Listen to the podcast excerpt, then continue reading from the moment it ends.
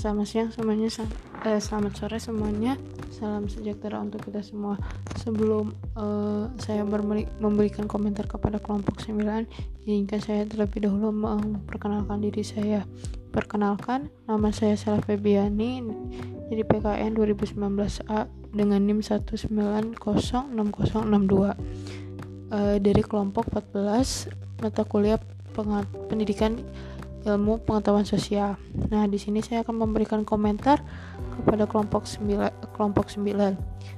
Untuk kelompok 9 sebenarnya itu tidak terlalu banyak yang bisa diko dikomentari atau diberikan pendapat karena uh, menurut saya dari segi penyajian atau penyampaian pun sudah lumayan sudah cukup bagus apalagi di PPT-nya itu sangat rapi terus ditambahin lagi di uh, di tengah-tengah Selandia itu dimasukkan diselip atau diselipkan kayak quotes-quotes dari para ilmuwan gitu. Kayak contohnya itu jadi itu uh, kelompok 9 menyisipkan tentang uh, kayak tentang ilmu sosial atau studi sosial menurut Aristoteles. Dan itu tuh udah cukup inovatif kayak bagus gitu. Selain itu juga dari cara penyampaian dari Nita ataupun di, diksi pun sudah cukup jelas uh, membuat jadi kayak buat para pendengarnya pun cukup jelas. Cuman yang menjadi koreksi di saya tuh di ada di pada penyajiannya Nita.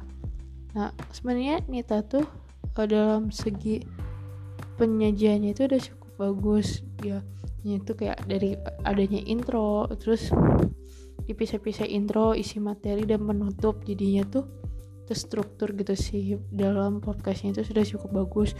Cuman yang disayangkannya itu ketika di ma isi materi kayak ada durasi yang terbuang. Soalnya itu tuh cuman yang isinya tuh cuman kita hanya mendengarkan uh, dari suara latar belak suara latar suara atau latar musik atau background gitu.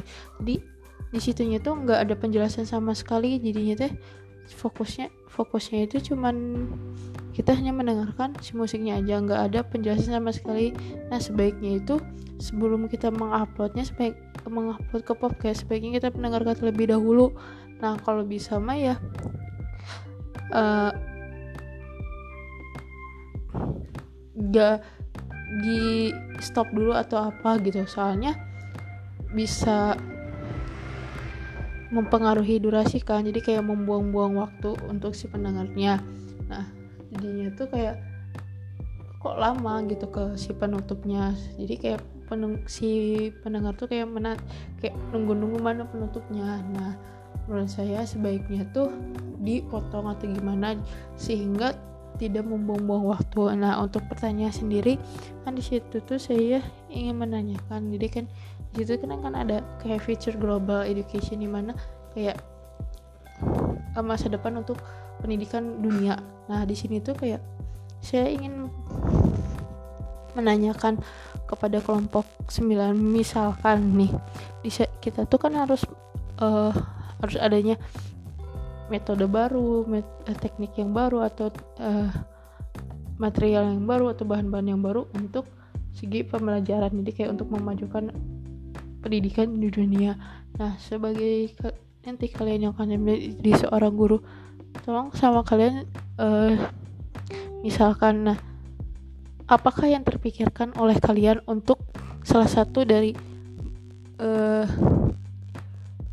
yang dibutuhkan dalam masa depan dan masa depan pendidikan dunia seperti yang tadi uh, yang tadi misalnya te teknik yang baru, metode yang baru atau bahan bahan pengajaran yang baru. Nah, untuk kalian sendiri dari kalian apa sih yang terpikirkan atau uh, menurut kelompok kalian apa sih yang terobosan atau metode baru yang cocok untuk diajarkan di sistem pendidikan di Indonesia? Terima kasih.